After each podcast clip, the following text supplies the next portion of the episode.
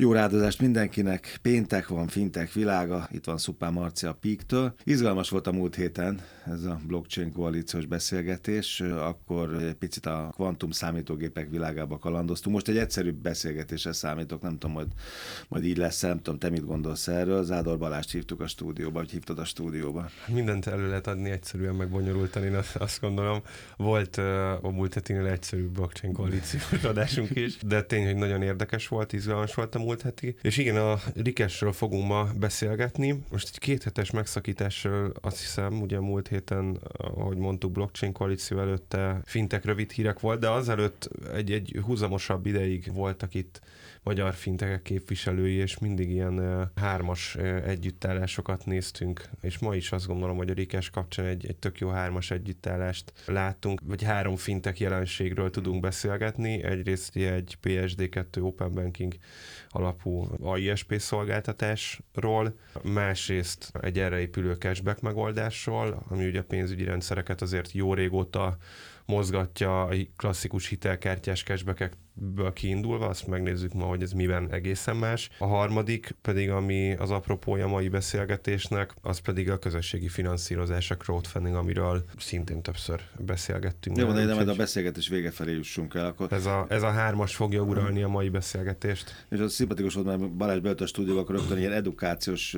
vonalat is rögtön felcsípett, mert megkérdeztem, most akkor honnan induljunk. Ugye te PSD2-ről kell, mindbár sokat beszéltünk, ezt tudtad is, meg már részt vettél ugye online a műsorban, személyesen nem voltál még de hogy, hogy igazából Rikes és PSD2 honnan, honnan indul a történet? Igen, üdvözlök mindenkit, és akkor én megpróbálom egyszerűen mondani, a lehető legegyszerűbben. Én köszönöm neked. Igen, tehát PSD2, a Rikes a második magyar PSD2-es társaság, ugye ez tömören annyit jelent, hogy a az Unió úgynevezett második fizetésszolgáltatási direktívája, amelynek a célja alá tartozunk, amelynek a célja az az, hogy a banki adatok, a felhasználók banki adatainak a felszabadításával mindenfajta innovatív pénzügyi megoldás jöjjön létre.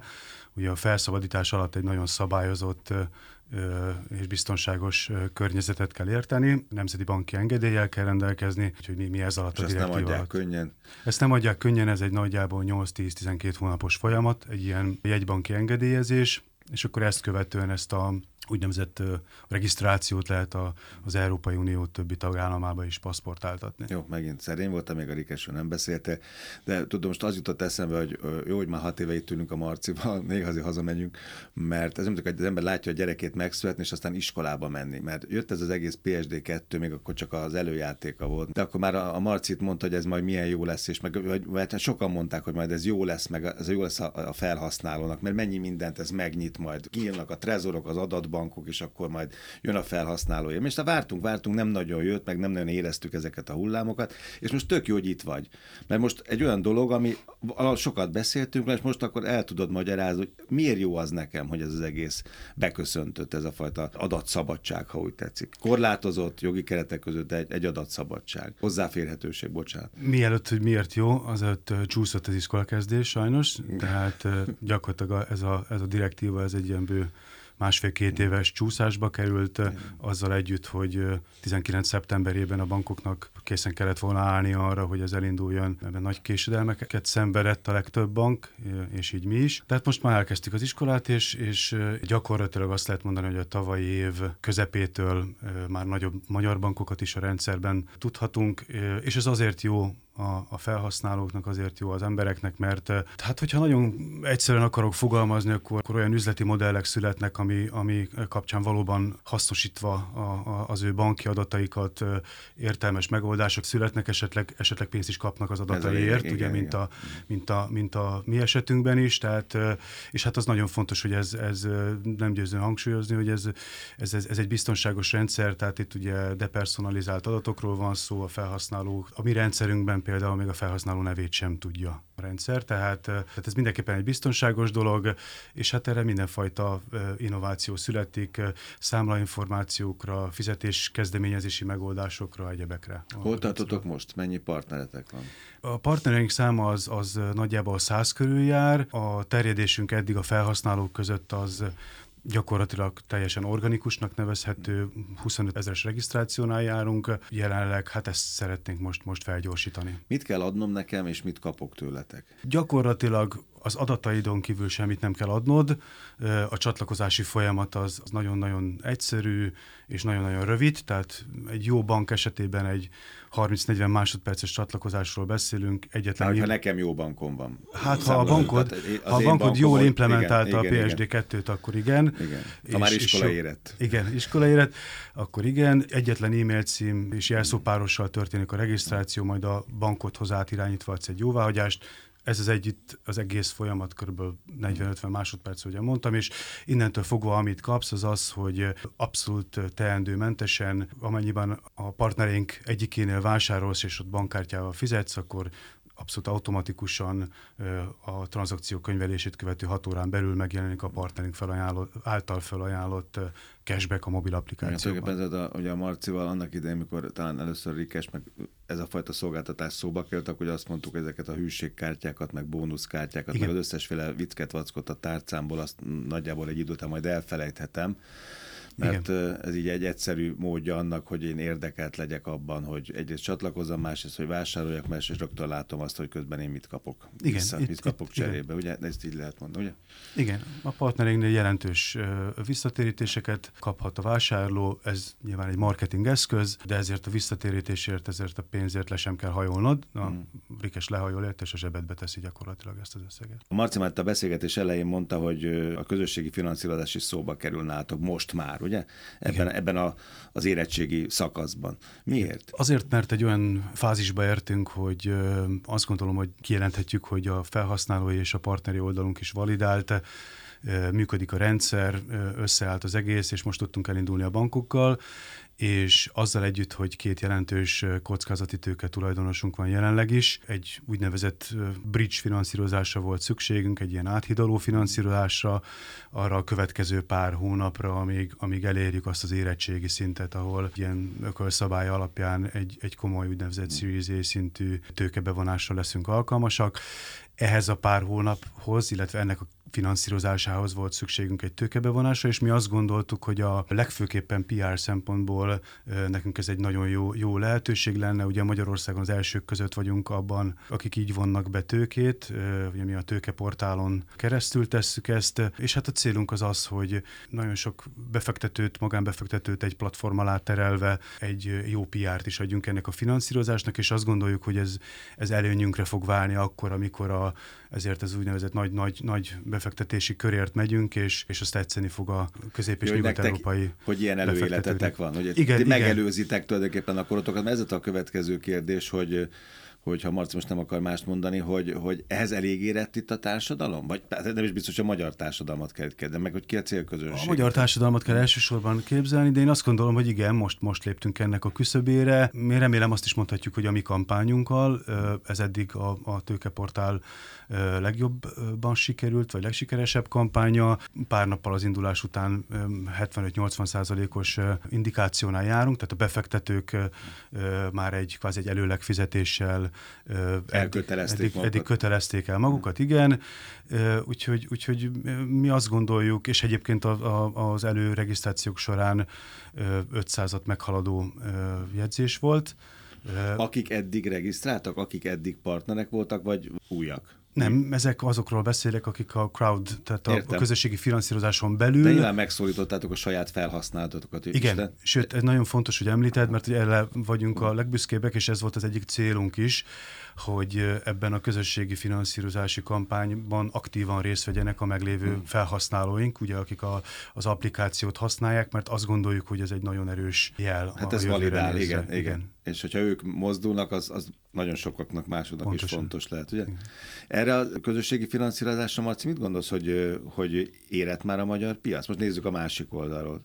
Te mit gondolsz? Én azt gondolom, hogy ez, ez itt az élő példa, hogy, hogy, hogy, hogy akár mondhatjuk, hogy igen, azért egy ilyen nagy kerek igennel nem jelenteném ezt, ezt, ezt ki. Egy veszélye, vagy több veszély van a közösségi finanszírozásnak, de, de az mindenképpen egy veszély, és az érettséget, hogy, hogy mondjam, azt is predeszinálni, hogy az érettséget nem feltétlenül a kampányban kell mérni, hanem majd az utána levő években. Tehát én nagyon kíváncsi vagyok arra, nem feltétlenül ebben az hmm. esetben, hanem egyáltalán a, a, a magyar közösségi finanszírozásos kampányoknál, vagy projekteknél, hogy amikor majd három-négy-öt év múlva az ember nem fog tudni úgy hozzájutni a pénzéhez, mint egy banki lekötésből, vagy egy állampapírból, Az vagy egy befektetési jó, alapból, igen, akkor, akkor mit fog erre reagálni a, a befektetői kör? Ezzel kicsit sem azt akarom sugalni, hogy bármilyen közösségi finanszírozási kampány le akarná húzni az ügyfeleit, hanem az, az egy fontos kérdés, hogy azok az üzenetek jól átmennek-e, hogy ez nem egy likvid befektetés, ide ne tegye a pénzének az 5%-án vagy 3%-ánál hmm. nagyobb összeget. Nagyon sokszor azt látjuk, hogy ahogy, ahogy nem tudom, egy gyors éttermi kaját sem megfelelően használnak az emberek, mert mondjuk hetente háromszor eszik azt,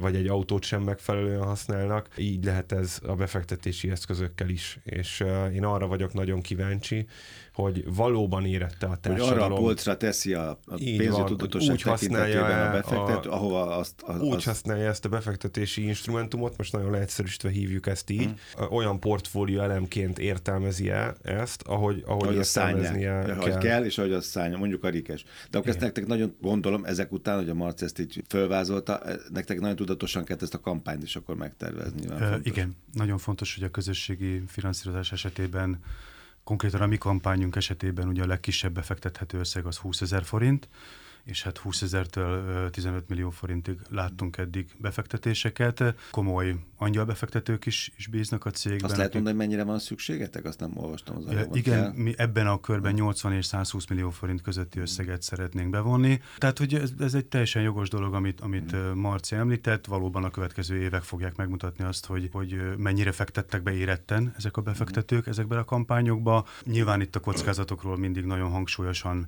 beszél mindenki. Egyéb Egyébként a crowdfundingot azért alapvetően, vagy jellemzően magvető, tehát akár ötlet vagy magvető fázisban szokták használni. Ugye nagyon fontos hangsúlyozni, hogy mi nem ebben a fázisban nem. vagyunk, tehát mi működő termékkel rendelkezünk, validált Tehát nem egy prototípust akartok igen, pontosan, a néppel. Pontosan. Igen. Tehát azt gondolom, nyilván a jelenlegi sikerességhez ez is hozzájárul, és én bízom benne, hogy ez, ez egy nagyon-nagyon sikeres befektetés lesz ezeknek a befektetőknek a számára. Ha már Marci, a két-három évet mondta, akkor nézzük ezt a dimenziót, hogy idős távot, akkor hova akartok eljutni? És mi lehet itt most a legfőbb kockázat? Mibe kell legtöbb melót beletenni? Abban, hogy, hogy banki partnereket meggyőzni, abban, hogy partnereket szerezni, vagy Nem ügyfeleket. a banki partnerek, ugye a PSD2 az kötelezi a hmm. bankokat ezzel, erre az együttműködésre. Az eddigiek legnagyobb kockázata a mai napig az, az ugye a PSD2 hogy nem állnak használhatatlansága hát volt, részbeni használhatatlansága volt. Most már nem, nem gondolom, hogy ez bármiféle akadály lenne. Nekünk egy olyan nemzetközi terjeszkedést kell megvalósítani ahhoz, hogy ezeket a sikereket elérjük, ami, ami tehát ez jelent a legnagyobb kihívást nyilván. Ugye egy, egy működő mobil alkalmazást kell elvinnünk mindenhova külföldre, ott partnereket szerezni, és hát nem csak a alapmarketing tevékenységünkről van szó, mert azért mi alapvetően egy, egy adatszolgáltató cég vagyunk, számos piaci szereplő számára, hát ezeket a partnerségeket kell megkötni. Ezért mi nagyon sokat tettünk, számos olyan megállapodást kötöttünk, ami azt vetíti előre, hogy jóval könnyebben tudunk ilyen partnereknél kopogtatni külföldön is. Elsőnek lenne ez nagyon jó dolog, egy csomó mindenben, de te az ilyen pályanyírek vagytok, most már több, többedik hullámban, tehát ebben a dologban is, akár a közösségi finanszírozásban, meg egyáltalán a tevékenységetekben. Nyilván ezt is tudnia kell értelmezni azoknak, akik a folyamatos csatlakoznak bármelyik oldalról. Igen, igen, ez így van. Jó és rossz is elsőnek igen. lenni. Nagyon nehéz, és ugye mi azt az utat választottuk, hogy, hogy nem, nem agregátorokon keresztül megyünk, API agregátorokon keresztül, hanem, hanem saját magunk drótozzuk be ezeket a, ezeket a banki apikat. Próbáltunk előre tekinteni hosszabb távra, és azt gondoltuk, hogy így sokkal nagyobb dolgot tudunk, tudunk építeni. Igen, meglátjuk. Én nagyon becsületesen készültem erre mai műsorban, majdnem regisztráltam, és tehát egészen addig elmentem, néztem a partnereit, néztem, hogy ki hány százalék, és azon gondolkoztam, hogy Covid, meg háború, meg az összes többi, meg a 10 százalékos infláció. Az ember emberek egyre jobban megnézik, hát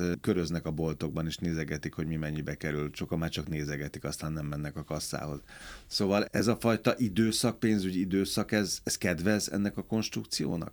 Azt gondolom, hogy igen, ezt, ezt jól látod. Ugye nálunk jellemzően azért nyilván itt mikroösszegekről van szó, viszont ami lélektanilag nagyon-nagyon fontos, és mi ezt érezzük egy nagy, nagy, nagy lépésnek, hogy ezért semmit nem kell tenni a felhasználónak, hogy hozzájusson. Tehát, hogy gyakorlatilag tényleg a zsebébe tesszük a pénzt.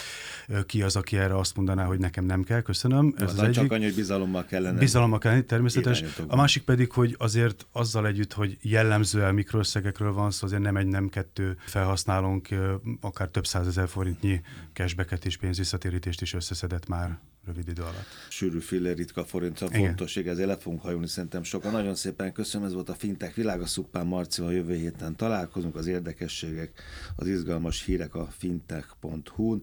Zádor Balázs, Ríkes társalapító, szó, köszönöm szépen. Én köszönöm.